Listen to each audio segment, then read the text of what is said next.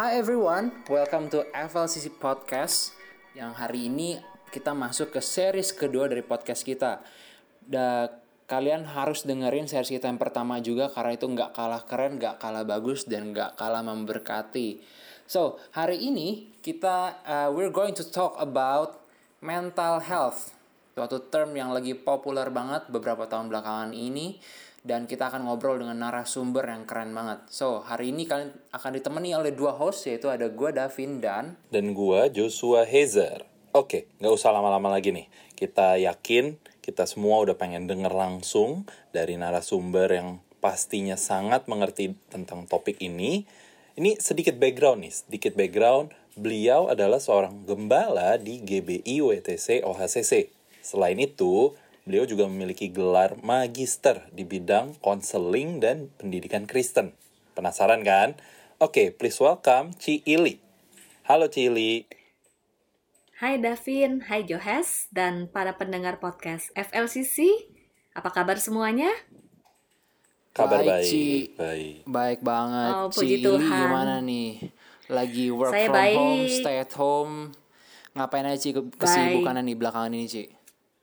Ya, yang pasti sebagai istri, sebagai mama, ngurus rumah. Kemudian puji Tuhan, pelayanan bisa dilakukan secara online, ngajar bisa dilakukan secara online. Puji Tuhan karena di dunia seperti saat ini, eh, teknologi sangat membantu banget ya Davin dan Johes ya. Hmm, iya betul. iya, iya. Sama kayak kita sekarang Ci ya, tetap bikin konten, konten, konten. Iya betul. Betul podcast. sekali. Mm-mm. Yes. So, ah, thank you banget nih Ci udah mau jadi narasumber kita di series kali ini. Kita percaya Cici expert banget nih dalam eh, tema kita kali ini dan kita udah nggak sabar untuk bahas tentang mental health. So, langsung aku tanya nih Ci. Seberapa penting sih. Ci untuk kita nih anak muda untuk mengerti tentang kesehatan jiwa kita atau mental health ini? Eh, penting sekali Davin karena banyak orang berpikir bahwa orang yang sehat itu adalah orang yang jarang sakit secara fisik. Namun kita perlu ketahui bahwa kita ini terdiri dari roh, jiwa, dan tubuh. Jadi kalau kita sehat, kita perlu sehat secara holistik.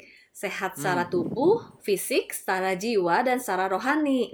Dan sehat secara jiwa itu penting banget karena ibaratnya tubuh ini adalah sebuah mobil, jiwa itu adalah yang menyetir dan mengendalikan.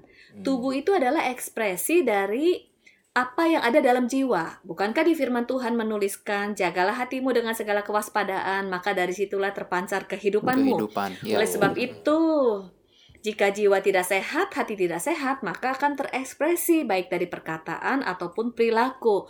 Oleh sebab itu, penting sekali untuk kita menjaga kesehatan jiwa atau kesehatan mental kita yang sering kali disebut mental health. Wah oke. Eh, ini Ci, eh, banyak berarti ini suatu hal yang sangat real dan sebenarnya sering banget ada di sekitar kita Ci ya. Betul banget. Bahkan ya, em, ada satu hari di mana Hari Kesehatan Mental Sedunia ada sebuah tema bahwa depresi merupakan suatu krisis global. Artinya, Wow. Tanpa disadari sebenarnya banyak banget eh, di antara kita ini yang depresi tapi nggak sadar. Bahkan depresi menjadi wabah bisu. Udah seperti wabah seperti hari ini ya wabah COVID-19 jadi depresi Wow. itu sudah merupakan sebuah wabah dan perlu benar-benar kita perhatikan. Bahkan jangan-jangan di antara kita teman-teman kita saudara kita yang kelihatannya mm, diam saja tapi mengalami depresi. Kemudian apalagi kalau kita lihat masalah anak-anak muda antara lain mungkin berapa banyak yang terpikir untuk bunuh diri, kemudian juga kecanduan atau self harm, punya kecemasan berlebihan. Ini adalah sebuah fenomena yang muncul yang diakibatkan karena jiwa yang tidak sehat. Kemudian juga bisa jadi yang awalnya dari stres yang sepertinya biasa, kemudian tidak bisa diatasinya, lalu mulailah perilakunya mulai terganggu atau sudah mengalami gangguan jiwa, sehingga menurut saya benar-benar sangat perlu diperhatikan. Oke. Ini ini ini mulai mulai menarik ya karena kalau soal mental health saya taunya oh orang yang bunuh diri atau sebatas orang orang gila dan tanda kutip yang di jalanan. Ya, saya tahu ya. Ternyata kayaknya Oke, lebih dari iya. itu Ci ya. Kayak lebih luas daripada itu ya. Mungkin Cici bisa lebih Ya. lebih detailin nggak maksudnya mental health itu secara definisi itu seperti apa? Ya, sering kali kita berpikir orang yang jiwanya terganggu itu adalah orang yang di jalanan, orang yang nggak sadar akan realita, kemudian yang nggak bisa diajak ngomong. Sebenarnya betul, mereka itu jiwanya terganggu. Tapi kita perlu pahami juga bahwa jiwa terganggu itu juga ada levelnya atau ada stadiumnya. Sama seperti penyakit fisik, ada stadium 1, 2, 3, dan 4. Yang kalau kita lihat di jalanan itu stadium yang sudah parah, tapi dalam kehidupan sehari-hari kita perlu aware bahwa bisa jadi kita sendiri juga sebenarnya jiwa terganggu. Nah, untuk kita bisa tahu apakah jiwa kita terganggu atau tidak, penting sekali kita untuk memahami orang yang sehat secara jiwa itu seperti apa sih. Nah, orang yang sehat jiwa adalah eh, orang yang jiwanya sehat adalah kondisi di mana seseorang atau kita ya sama-sama bisa berkembang secara fisik, mental, spiritual, dan juga sosial. Jadi, kita bisa menyadari kemampuan diri kita sendiri, bisa mengatasi tekanan, bisa bekerja secara produktif. Jadi, hidupnya produktif dan mampu memberikan kontribusi untuk komunitasnya. Artinya, bisa berelasi dengan baik juga di kehidupan sosialnya. Sehingga, apabila kesehatan mental seseorang terganggu, maka dia mengalami gangguan dari aspek-aspek tersebut baik secara emosi mental itu kan jiwa itu terdiri dari emosi pikiran dan juga kehendak ya. Jadi dari emosi suasana hatinya terganggu pemikirannya terganggu kemampuan berpikir terganggu sulit mengendalikan emosi kemudian juga secara sosial juga fungsinya sudah mulai terganggu bahkan mungkin juga secara fisik itu sangat bisa terganggu seperti psikosomatis eh, Hmm, sakit iya, iya. tapi nggak ada sumbernya dan sudah diperiksa kepada eh, ke dokter bahwa sebenarnya dia sehat tapi terus terganggu secara fisik.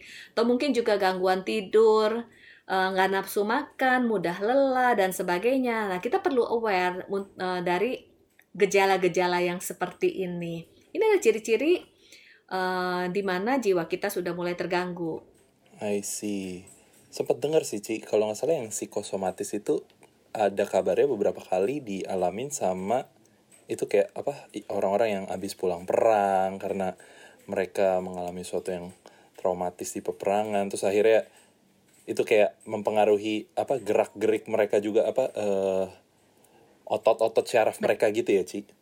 Betul, betul, betul. Bisa bayangkan seseorang yang di medan perang, tentunya dia perlu dalam situasi yang terus waspada, kemudian juga ada tekanan, ada target, eh, di mana mungkin pikiran dan emosinya dalam kondisi yang tegang, dan itu terus-menerus stres, dan pul- eh, mu- trauma juga dengan situasi di sana. Lalu pada saat selesai perang tidak diatasi, tentunya stresnya menumpuk, eh, emosi-emosi negatifnya menumpuk, dan itu tidak diatasi, itu akan mempengaruhi entah perilaku juga, mempengaruhi pola pikir, dan bisa sangat mungkin mempengaruhi kesehatan yang diakibatkan karena stres atau depresi. Oke, for reference mungkin banyak yang bisa nonton Netflix ya, banyak film-film perang. Oke, nah sekarang kita mau lanjut nih, Ci. Ada nggak sih Oke. umur umur tertentu gitulah ya, seseorang ini Ya. menjadi rawan terhadap isu dari kesehatan mental yang dimilikinya? Ya, siapa pun bisa mengalami eh, isu kesehatan mental dari usia anak-anak sampai usia tua, kemudian profesi apa pun itu sangat eh, bisa dikatakan bisa mengalami isu kesehatan mental. Namun, memang ada usia-usia tertentu di dalam perkembangan yang rentan akan depresi. Kenapa rentan ta- akan depresi? Karena disebabkan oleh perubahan dan penyesuaian hidup di usia tertentu ada siklus dalam hidup manusia seperti kita dari anak-anak menjadi remaja, kemudian dewasa muda, lalu menikah, kemudian juga men- sebagai seorang profesional memasuki usia midlife, lalu memasuki usia tua dan karena perubahan-perubahan atau pergeseran kehidupan itu em, bisa menimbulkan krisis dalam kehidupan seseorang. Dan pada saat seseorang itu menghadapi krisis itu bisa menyebabkan apa ya stres atau mungkin juga depresi sebagai contoh. eh, seorang anak di usia di dekade pertama kehidupan seseorang sebagai seorang anak ya yang seharusnya memang mungkin bisa membahagiakan. Makanya ada yang dikatakan masa kecil kurang bahagia. Iya, MKKB. ya apa yang terjadi? Mungkin anak tersebut dia besar atau dia tinggal dengan keluar di dalam lingkungan keluarga di mana orang tuanya sering konflik papa mamanya sering bertengkar. Kemudian karena papa mama sering bertengkar eh, suasana di dalam rumah nggak aman anak tersebut setiap hari dalam situasi nggak aman sedih atau stres kemudian juga mungkin papa mama sibuk sehingga sebagai seorang anak yang Idealnya tangki emosinya dipenuhi dengan kasih, pujian, dan pelukan, lalu tangki emosionalnya defisit, lalu anak stres menghadapi situasi yang penuh konflik, dan tentunya sebagai seorang anak, stres eh, hidup di lingkungan seperti ini. Hmm. Dan juga dari anak bergeser menjadi remaja. Dan kita tahu ya waktu kita remaja Wah, banyak perubahan. Puber, yes. Di Iya, dalam iya. waktu yang singkat di masa puber terjadi perubahan hormon, perubahan bentuk tubuh, kemudian perubahan relasi sosial, kemudian di mana anak-anak remaja sudah mu bergumul dengan identitas diri, berpikir tentang apakah dirinya akan sukses.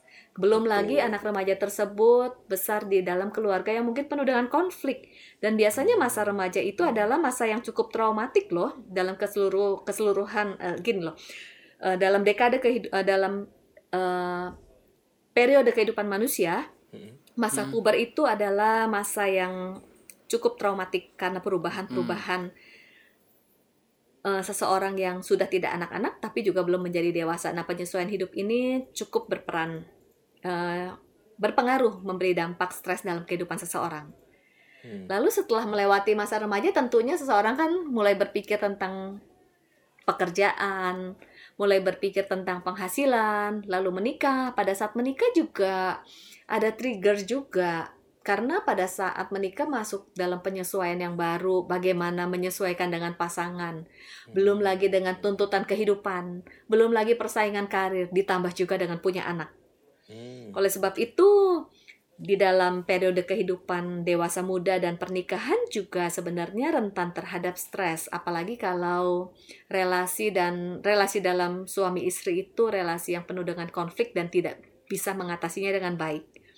Kemudian juga mulailah masuk midlife ya di usia 40 tahun ke atas di mana orang tua anak-anaknya sudah mulai remaja. Mm-mm. Kemudian juga orang tua eh, sudah mulai memasuki masa emptiness. Ini juga sebenarnya salah satu pemicu yang bisa menimbulkan depresi di usia midlife. Kemudian juga mulai berpikir apakah saya sekarang ini sudah di puncak kesuksesan seperti yang lain, sudah mulai membandingkan satu dengan yang lain. Kalau seseorang di usia midlife dia merasa dia belum sukses, belum mencapai puncak karirnya, maka dia rentan terhadap depresi. Hmm. Lalu kemudian juga di dekade ber- berikutnya, biasanya di dekade berikutnya usia 50 tahunan, ini orang orang mulai depresi kenapa? Karena sudah tidak muda tapi takut untuk menjadi tua. Hmm. Hmm. Sehingga di usia seperti ini banyak yang eh, apa namanya mencoba untuk eh, mempertahankan penampilan eh, apa namanya penampilan seperti mempertahankan mudanya gitu ya. Hmm, Mempertahankan mudanya. Pakai rambut, jeans. Kemudian sneakers, Iya, easy sneakers. gitu ya. Dan-. Betul. Bahkan di usia midlife ya, di usia 50-an, penampilannya biasanya bisa lebih muda daripada ABG. Karena Wow. untuk mencegah Oh, penampilan. wow. Iya, mencegah sering lihat, tua. sering lihat. Hmm, hmm, hmm. Ya, seperti itu. Kemudian di dekade berikutnya mulailah mungkin udah kehilangan teman-teman, ada yang kehilangan pasangan. Ini kan trigger untuk Hmm. eh, apa ya bisa menimbulkan stres gitu ya. Kemudian juga mungkin mulai berpikir tentang kematian dan sebagainya. Sehingga kalau kita bisa lihat setiap periode kehidupan itu rentan akan stres karena ada penyesuaian dan pergeseran. Sehingga betapa pentingnya kita aware dan menjaga kesehatan mental kita. Hmm, oke oke. Berarti kalau disimpulin nih, semua orang di umur berapapun itu, di setiap musim kehidupan itu punya triggernya masing-masing, punya kerentanan masing-masing untuk terpapar Betul. pada isu kesehatan mental ini ya. Betul, betul. Hmm, oke oke. Nah, jadi eh kalau disimpulin, isu ini memang terjadi itu tadi sempat bilang banyak terkait background nih. Keluarga, masalah-masalah yang ada di sekitar atau mungkin ada tadi eh, traumatis yang waktu puber gitu. Betul, betul. Itu Ya. segitunya ya Ci sampai mempengaruhi kesehatan mental orang tersebut. Betul. Jadi sebenarnya ya kalau kita em, ingin lebih jelas lagi apa sih yang bisa eh, menimbulkan gangguan gangguan terhadap kesehatan mental. Tadi kita membahas tentang pergeseran musim kehidupan, kemudian penyesuaian kehidupan. Itu kan berarti life event ya, Mm-mm. life event. Kemudian life event itu juga bisa seperti trauma, konflik yang bisa menimbulkan kesedihan, kecemasan, ketakutan, stres. Dan kecemasan, ketakutan, stres yang mungkin terjadi sejak kecil sampai saat ini yang tidak di- diatasi, tidak dikelola dengan baik, itu menjadi tumpukan emosi negatif yang terus menumpuk, terus menumpuk, menumpuk. Kalau sampai kap, hmm, apa ya namanya melebihi kemampuan kapasitas seseorang, bukan hal yang nggak mungkin seseorang itu akan mengalami depresi atau gangguan jiwa yang semakin parah.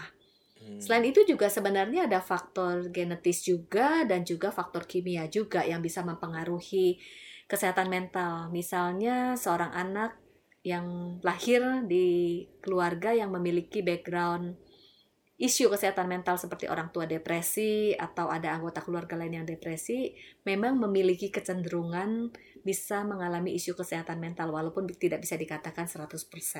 Hmm. Jadi seperti itu kira-kira. Oke. Jadi banyak banget pengaruh eh, background keluarga terutama Ci ya, di mana kita Betul sekali. mo- em, spend most of our time ya di keluarga gitu kan. Kita Betul, dari betul. kecil dan tadi Cici juga bilang waktu remaja terutama itu salah satu masa yang paling rentan Ci ya untuk either you break it or you make it. Mungkin gitu kali Ci ya.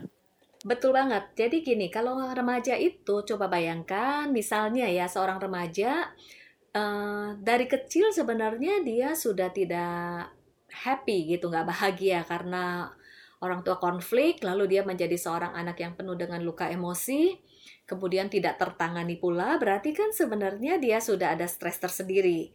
Dia sudah Hmm. ada eh, luka dan emosi negatif. Kemudian dia memasuki masa remaja. Memasuki masa remaja eh, mengalami perubahan. Pada saat mengalami perubahan, dia berpikir tentang identitas dirinya, kemudian juga dia melihat bahwa tubuhnya berubah. Perubahan hormon tubuh itu sangat berdampak terhadap psikologis anak-anak remaja.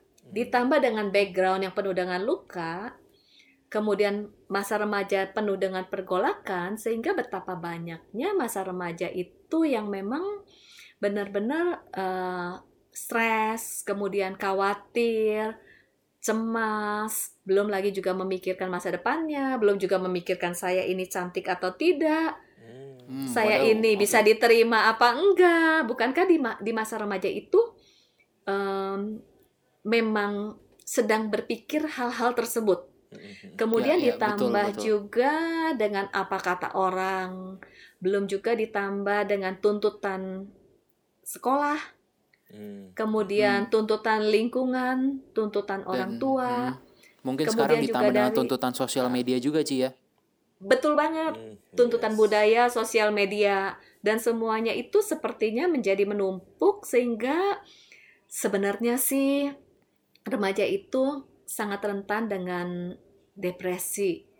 Kemudian juga sebenarnya hal yang wajar kalau kita tuh eh, remaja itu mengalami apa ya namanya ya eh, hal yang wajar kalau misalnya mungkin merasa cemas, merasa khawatir, merasa sedih karena pada saat melewati masa seperti itu tentunya kita kepikiran lah hanya hanya apakah kita bisa mengelolanya dengan baik, kita bisa melewatinya dengan baik atau justru Hmm. itu terpendam, menumpuk dan emosi negatif semakin menumpuk di situlah pada saat tidak diatasi dengan baik semakin lama akan semakin parah pada saat menjadi semakin parah itu bisa mempengaruhi aspek kehidupan lainnya. Di situlah kita betul-betul perlu memperhatikan hal ini.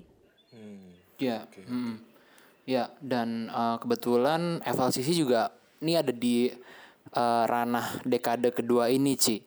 Ya, Betul menurut aku banget. ya, Ha-ha, dekade Ya. kedua ini lalu, nah tadi kan sih bilang itu sesuatu yang wajar banget nih kalau kita anak-anak remaja mengalami eh, tekanan-tekanan tadi. Nah mungkin dari kita Betul banyak sekali. yang nggak menyadari, Ci. Nah mungkin Cici bisa jelasin nggak apa sih ciri-ciri kita tuh punya masalah dengan mental kita, dengan kesehatan jiwa kita? Ya, em, kita lihat dari empat aspek sih sebenarnya. Eh, pertama, aspek spiritual. Apabila seseorang sudah merasa no hope, tidak punya harapan, merasa Tuhan itu nggak ada. Kalau seseorang sudah mulai merasa tidak ada harapan, dia mulai berpikir untuk apa hidup ini. Hmm. Hmm.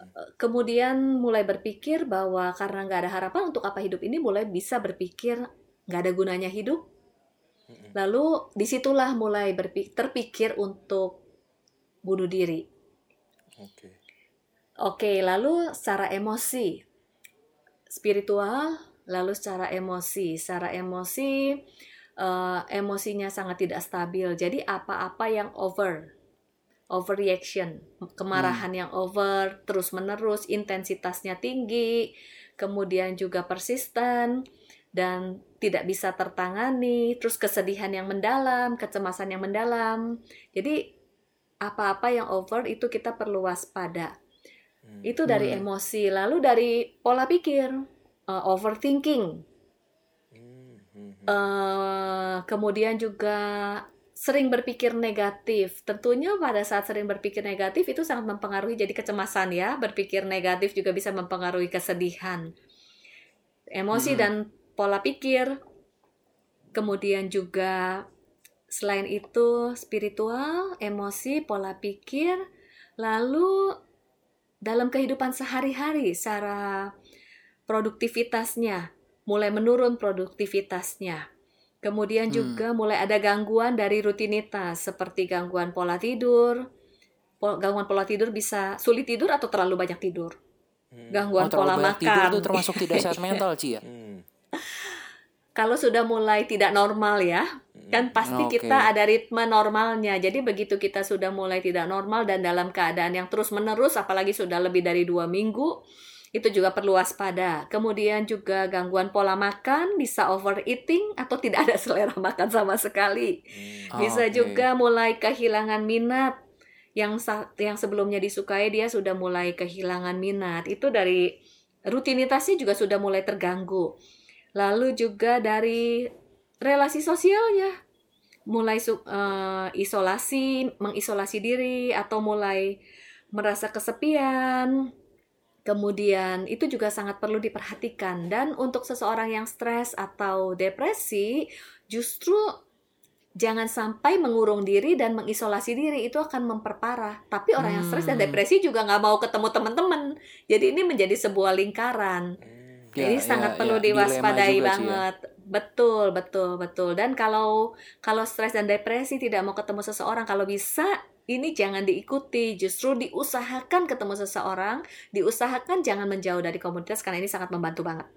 Hmm. Lalu berikutnya bisa juga kita melihat fisik kita. Mungkin kita sakit ada psikosomatis yang yang apa namanya nggak jelas sumbernya dari mana dokter bilang oke, tapi kita gangguan apa tuh ya asam lambung terus menerus, sakit kepala terus menerus. Nah, Hmm. apabila terganggu dalam aspek-aspek tersebut yang tadi saya sebutkan, mungkin kita mulai aware ya. Ada apa tuh? Jangan-jangan kita stres akan sesuatu. Jangan-jangan ada satu kejadian yang membuat kita eh, sedih mendalam dan sebagainya, sehingga jangan dibiarkan supaya tidak menjadi semakin parah. Iya, iya. Oke. Ben- berarti nih, Ci, kan tadi Cici bilang terus-menerus ya. Berarti Ya. kalau misalnya oh eh, sakit karena eh, ini yang mau ngajar dosen killer jadi bisa nggak datang kelas. Nah, itu berarti bukan ya, Ci? Oh, paham. sakit misal misalnya ada dosen killer kemudian kita tuh setiap kali kita mau ketemu dosen itu kita tuh tegang tuh ya Dan stres Eh, Oke, secara manusia mungkin kita memang tegang menghadapinya. Itu kan tegang dan takut itu reaksi yang kita nggak bisa hindar, kita nggak bisa apa ya? Itu kan muncul ya, muncul dengan sendirinya. As a human Iya, pasti iya. kita kan punya perasaan, punya perasaan Mm, mm, takut, sedih dan kecewa waktu menghadapi hal-hal yang negatif atau peristiwa negatif. Permasalahannya adalah pada saat kita merasa takut, kecewa, atau sedih, atau tegang tadi, itu dikelola dan diatasi atau enggak? Kalau tidak diatasi, Hmm. selama satu semester kita tegang terus, bukankah itu menjadi tumpukan emosi negatif yang ada di tangki tangki hati kita? Kalau Hmm. tumpukan emosi terus-menerus yang tidak dikelola, di situlah nanti akan terjadi stres terus-menerus. Kalau stres terus-menerus yang tidak dikelola bisa menjadi parah dan dikhawatirkan, ya semoga tidak lah ya terjadi ganggu, eh, menjadi gangguan jiwa dan berpengaruh kepada perilaku, perkataan, emosional dan sebagainya. Sehingga bisa disimpulkan sih gangguan jiwa yang parah itu tidak secara otomatis terjadi. Pasti itu adalah tumpukan-tumpukan peristiwa, tumpukan-tumpukan emosi yang tidak dikelola dengan baik. Hmm, oke, baik. Menarik, menarik. Oke, mengerti, mengerti, mengerti. Jadi kuncinya di pengelolaan ya. Betul sekali. Mm, mm, mm, mm. Oke, berarti satu sisi nggak bisa dijadiin alasan buat ngeles juga, tapi satu sisi perlu diperhatikan juga cara mengelolanya biar nggak terus menerus gitu ya. Betul, betul, Oke, betul, oke. betul. Nah, aku ada pertanyaan lanjutan nih, Ci. Nah, jadi Oke. sebenarnya eh, apa sih yang menyebabkan seorang memiliki masalah mental health ini? Prosesnya maksudnya lebih kayak gimana sih? Apakah mendadak gitu tiba-tiba orang ting punya mental health issue gitu? Atau dia Oke. ada tahapannya gitu, Ci? Oke, oke. Jadi em, tadi sempat dibahas bahwa apakah orang yang punya gangguan jiwa itu seperti yang di jalanan? Itu kan yang parah. Mm-mm. Hmm. Ada yang pasti sebelum sesuatu menjadi parah itu dimulai dari yang ringan dulu, Hmm, seperti sakit. Seperti sakit, sakit kan tidak langsung parah, ada sakit yang ringan. Dan sakit Mm-mm. yang ringan itu cukup mengganggu, tapi belum sampai mengganggu eh, terlalu mengganggu kehidupan rutinitas dan sebagainya. Dan bahkan juga sering kali nggak ketahuan bahwa ada sakit betul ya. Hmm, Sama juga dengan gangguan jiwa dimulai dari hal-hal yang sederhana. Sebagai contoh nih, kalau boleh dikatakan ada alarm 1, alarm 2, dan alarm 3. Hmm, Alarm 1 itu misalnya seperti tadi, waktu pergeseran kehidupan dan penyesuaian kehidupan di masa remaja atau di musim kehidupan mana pun, itu kita merasa eh, kita mengalami masalah, menghadapi masalah lalu kita mulai stres. Itu adalah alarm satu, siapa pun bisa mengalaminya. Tinggal permasalahannya apakah diatasi atau tidak. hmm, Nah, pada saat kita menghadapi masalah, masalah apa pun, masalah apa pun. Hmm. Jadi, pada saat kita menghadapi masalah atau perubahan itu kita respon kita itu pasti ada stresnya. Nah, pada Hmm. saat stres, mulailah kita mencari solusi. Kemudian nggak dapat solusi nih, Hmm. mulailah kita mulai kepikiran lagi. Kita mulai mulai memikirkan masalah, kita mulai tegang, kita mulai cemas, cemasnya mulai semakin lama, atau mungkin sedih dan takut. Ini alarm satu. hmm. Masalah satu belum selesai, muncullah masalah yang berikutnya. Yang tadinya ti- eh, ta- yang tadinya mulai kepikiran, sekarang sebelum tidur pun mulai tambah kepikiran. Jadi tidurnya sudah mulai terlambat. Hmm, Hmm. Kemudian cemasnya sudah semakin panjang. Masalah semakin bertumpuk. Ini sudah mulai alarm 2. Ternyata nggak ketemu juga solusinya. Dan juga kita nggak bisa mengelola emosi kita. Stresnya numpuk kan ya. Ditambah lagi masalah berikutnya. Atau ada trigger. hmm. Ada trigger, contohnya seperti saat ini. eh, di musim eh, COVID-19 ini ya. Hmm, hmm, Hmm. Banyak sekali yang depresi. Jadi kalau pertanyaannya, kalau sampai depresi bisa jadi bukan cuma karena COVID-19-nya yang depresi. Ini trigger, tapi sebelumnya sudah ada masalah bawaan. Oh, oke. Itu bisa jadi. Hmm. Ya. Oke. Lalu ditambah dengan trigger dan masalah berikutnya, mulailah. Yang tadinya tidurnya terlambat, mulai nggak bisa tidur. Bahkan terus-menerus berlangsung sampai lebih dari dua minggu. Lalu mulai nggak bersemangat, mulai cemas. Yang tadinya cemas akan masalah, mulailah cemas yang lain, bahkan cemas yang tidak ada hubungannya. Mulai cemas akan masa depan, mulai cemas dengan anak-anak, mulai cemas dengan orang tua, mulai cemas dengan yang lain. Kalau sudah sampai alarm 3, terus menerus cepat dan tegang, kemudian kimiawi otak sudah mulai terganggu, Nah, di situlah kita perlu waspada. Jangan sampai kita masuk ke dalam gangguan jiwa yang abnormal. Jadi sebelum Hmm. mencapai alarm 3 sebenarnya sangat bisa diatasi pada saat alarm 1. Hmm, oke. Hmm. Jadi itu sebenarnya badan kita sendiri itu sebenarnya udah ngasih ngasih pertanda Ci ya, udah ngasih warning tuh ya. Ngasih sinyal, betul. Dan kita Hmm. perlu aware. Tapi permasalahannya sering kali kita nggak aware. Atau diabaikan. Hmm. Atau kita tidak tahu bagaimana cara mengelolanya. Hmm. Atau mungkin juga ada yang ngerasa "Ah, aku kuat, aku kuat, ya aku bisa gitu kali Ci ya. Eh, betul sekali. Kalau kita merasa kita kuat, tapi tidak mengelolanya, itu kan perasaan kita kuat. Tapi sebenarnya kan tumpukan emosi negatif, kita tegang, kita tegang terus-menerus, dan bahkan kalau kita dalam kondisi tegang, itu otak kita menghasilkan hormon kortisol. Dan waktu terus-menerus menghasilkan hormon kortisol, itu adalah racun bagi kimiawi otak. Dan kalau kimiawi otak sudah terganggu, itu bisa menjadi gangguan jiwa abnormal. Jadi contohnya kalau abnormal em, sudah nggak bisa membedakan mana yang realita atau khayalan, kenyataan atau halusinasi, Hmm. mulai mendengar suara-suara, mulai paranoid, kemudian mulai OCD ya, Hmm, cuci tangan terus OCD. menerus, Mm-mm. eh, buka buka pintu, ngecek terus menerus dan sebagainya. Itu sudah mulai gangguan jiwa abnormal. Dan kalau sudah mulai gangguan jiwa abnormal dan itu penting sekali untuk ditolong oleh psikiater karena perlu dibantu obat-obatan karena kimiawi otaknya sudah terganggu.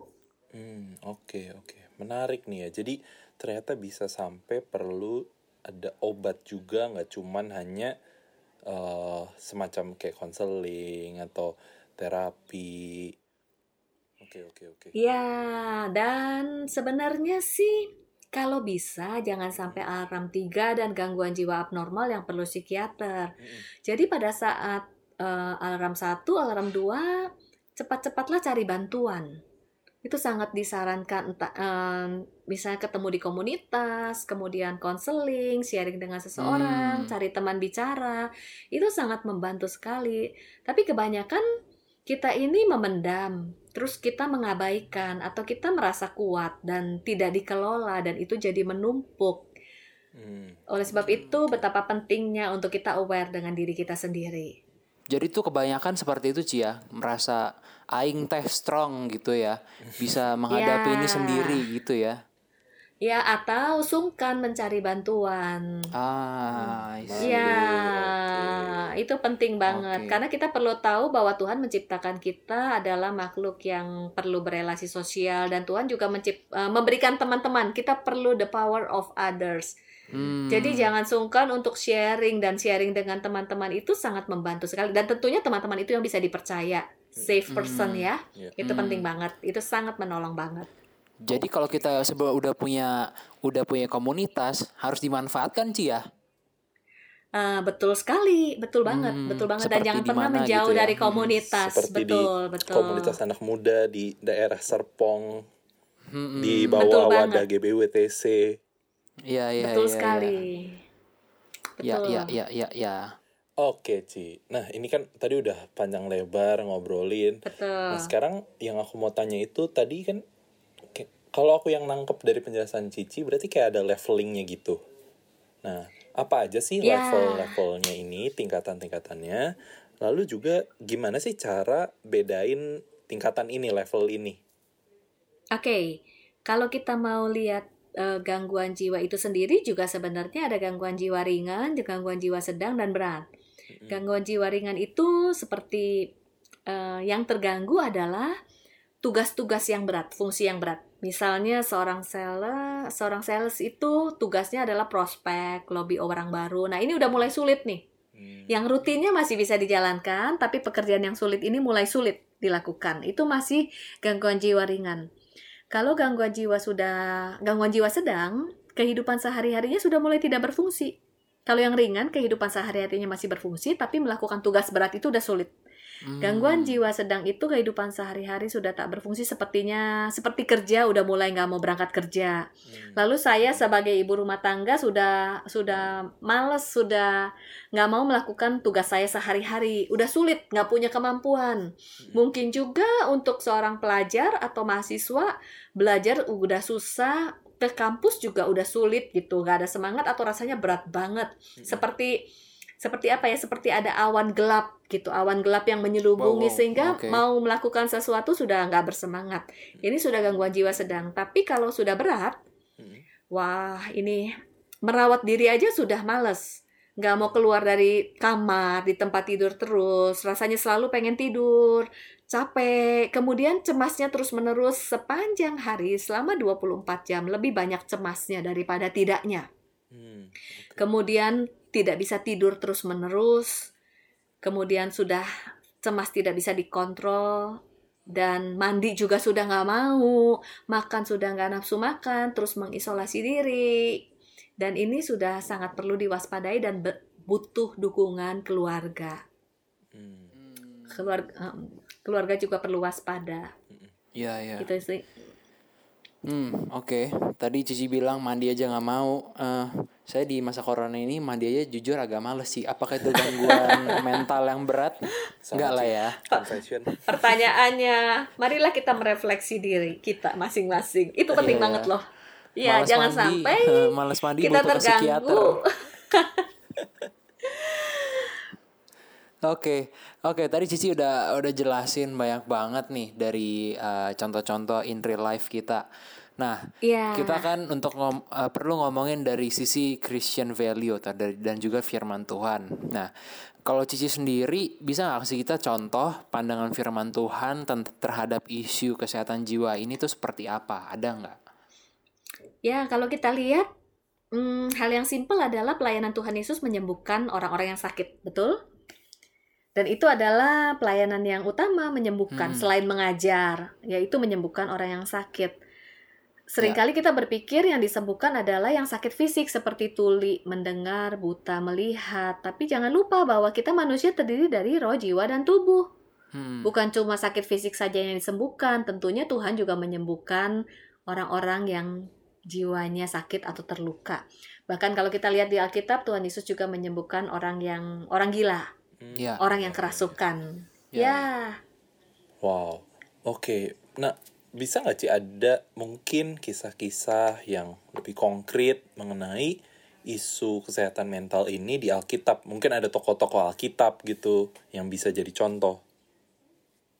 Hmm, karena siapa pun bisa mengalami jiwa yang terluka, berarti siapa pun yang segala profesi, baik rohani atau tidak rohani pun rentan terhadap isu kesehatan mental. Sebagai contoh, kalau kita lihat di toko Alkitab, Daud kurang dekat apalagi Daud dengan Tuhan. Iya. Iya. Sebagai Daud menjadi sahabatnya Tuhan. Tapi kalau kita baca kitab Mazmur, berapa banyak pernyataan Daud yang Daud ada dalam kondisi tertekan. Dia berseru kepada Tuhan. Kemudian juga berapa banyak Daud menyatakan ketakutannya yang benar-benar sangat ketakutan sedih. Makanya Ya. Daud bilang, bangkitlah hai jiwaku. Karena Daud juga pernah merasakan bahwa jiwanya tertekan dan jiwanya lemah. Hmm. Lalu kita lihat Ayub sampai mengatakan, sudahlah sebaiknya buat apa hidup seperti ini? Nggak mau hidup lagi. Bahkan Elia, kurang apa lagi melakukan mujizat. Tapi waktu dia dikejar-kejar oleh Isabel, dia sampai sembunyi di gua dan mengucapkan kepada Tuhan, minta Tuhan mengakhiri nyawanya. Dia merasa sendirian dan merasa nggak punya siapa-siapa yang mendukung dia. Jadi kalau kita lihat di Alkitab, hamba-hamba Tuhan, tokoh Alkitab yang melakukan mujizat pun bisa mengalami musim kehidupan, eh, mengalami masa-masa depresi. Oleh sebab itu, siapa pun bisa mengalami isu mental health. Tapi yang terpenting adalah kita perlu aware dan kita memiliki skill untuk mengelolanya. Hmm, Oke. Hmm. Oke.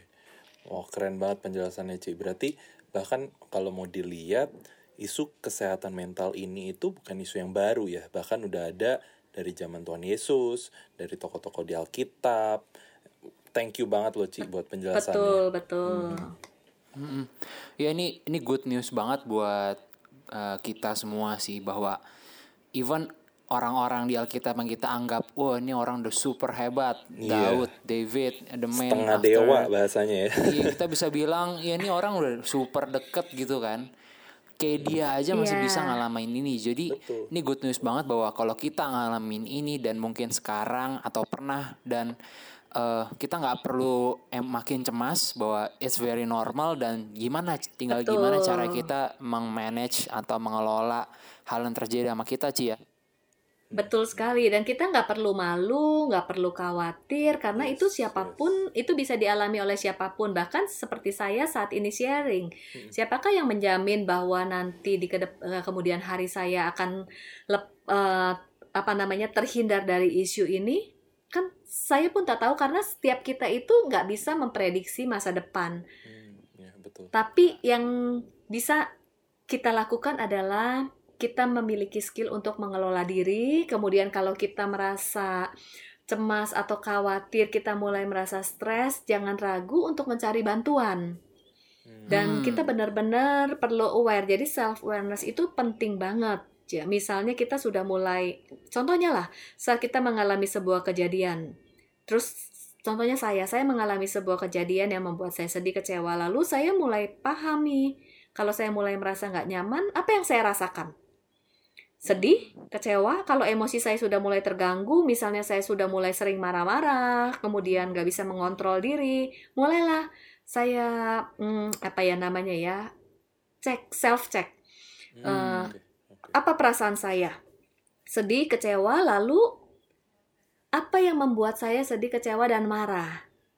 Dan mulailah dengan mengelola emosi kita karena emosi itu tidak bisa didiamkan diabaikan stres itu juga nggak bisa didiamkan diabaikan Ya. mulailah kita kelola dan bagaimana cara mengelolanya mungkin itu yang akan kita bicarakan di episode berikutnya ya Wow, oke, Wow, ini thank you. Udah sampai teaser yang sangat Iya, baik. teaser yang sangat baik nih. Teaser yang sangat baik. Oke, ini thank you banget Ci untuk penjelasan di sesi 1 atau episode kali ini benar-benar ini apa ya memancing kita untuk pengen tahu lebih dalam lagi tentang mental health. Yep. So uh, kalau boleh nih aku simpulin ada tiga poin yang aku catat. Yang pertama itu mental health issue bisa terjadi pada siapa pun dan di usia mana pun tadi ya di, ada dekade-dekadenya dan setiap dekade ada masa kritisnya masing-masing tekanannya masing-masing lalu di Betul. poin kedua aku juga catat eh, mental health issue itu nggak terjadi tiba-tiba gitu sontak terjadi aku gila gitu kan. Nggak nggak kayak gitu. Tapi ada prosesnya sih ya. Betul betul. Hmm, ada ada permasalahan yang tertumpuk belum beres ketumpuk lagi ketumpuk lagi ketumpuk lagi sampai wah udah runyam. Lalu di poin ketiga aku catat sebelum terjadi gangguan jiwa yang berat sebenarnya bisa ditolong sejak dini. Mulai dari sekarang even setelah kalian dengar podcast ini kalian bisa langsung eh, tadi ya self check atau juga kalau memang Betul. sekarang kalian mengalami eh, gangguan eh, mental atau kalian merasa tekanan yang kalian gak bisa handle sendiri, kalian jangan pernah handle sendiri gitu Ci ya. Betul. betul. Harus jangan segera reach out.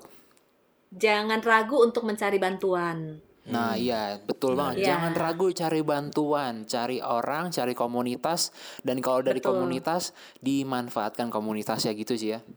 Betul sekali betul sekali Oke. Yes, yes, yes. Thank you banget, thank you banget Ci. Nah, buat kalian nih yang lagi dengerin, pastinya setelah denger diskusi hari ini, mau tahu, mengerti lebih lanjut tentang mental health itu apa, terus mungkin ada beberapa yang penasaran, oh gimana cara kita ngatasinnya, oh ini untuk lebih lanjutnya gimana. Nah, makanya kita mau kasih tahu buat tetap tune in ke podcast ini karena kita akan bahas lebih banyak di episode selanjutnya. So, uh, stay tuned to our Instagram account at Frontliner Campus untuk informasi mengenai episode 2. Nah, jangan lupa untuk di-share juga podcast yang kali ini. Jika kalian merasa diberkati, kita juga yakin siapa tahu ada orang di luar sana yang bisa diberkati melalui podcast ini. Oke, Yes. thank you so much for listening. Thank you so much buat Ci Ili yang udah meluangkan Thank waktunya. you Cili, thank you. Thank you, sama-sama Ci Ili. Dev Davin dan Johes Yes, see you guys again next See you. time. God bless See you. you. Bye bye. God bless you bye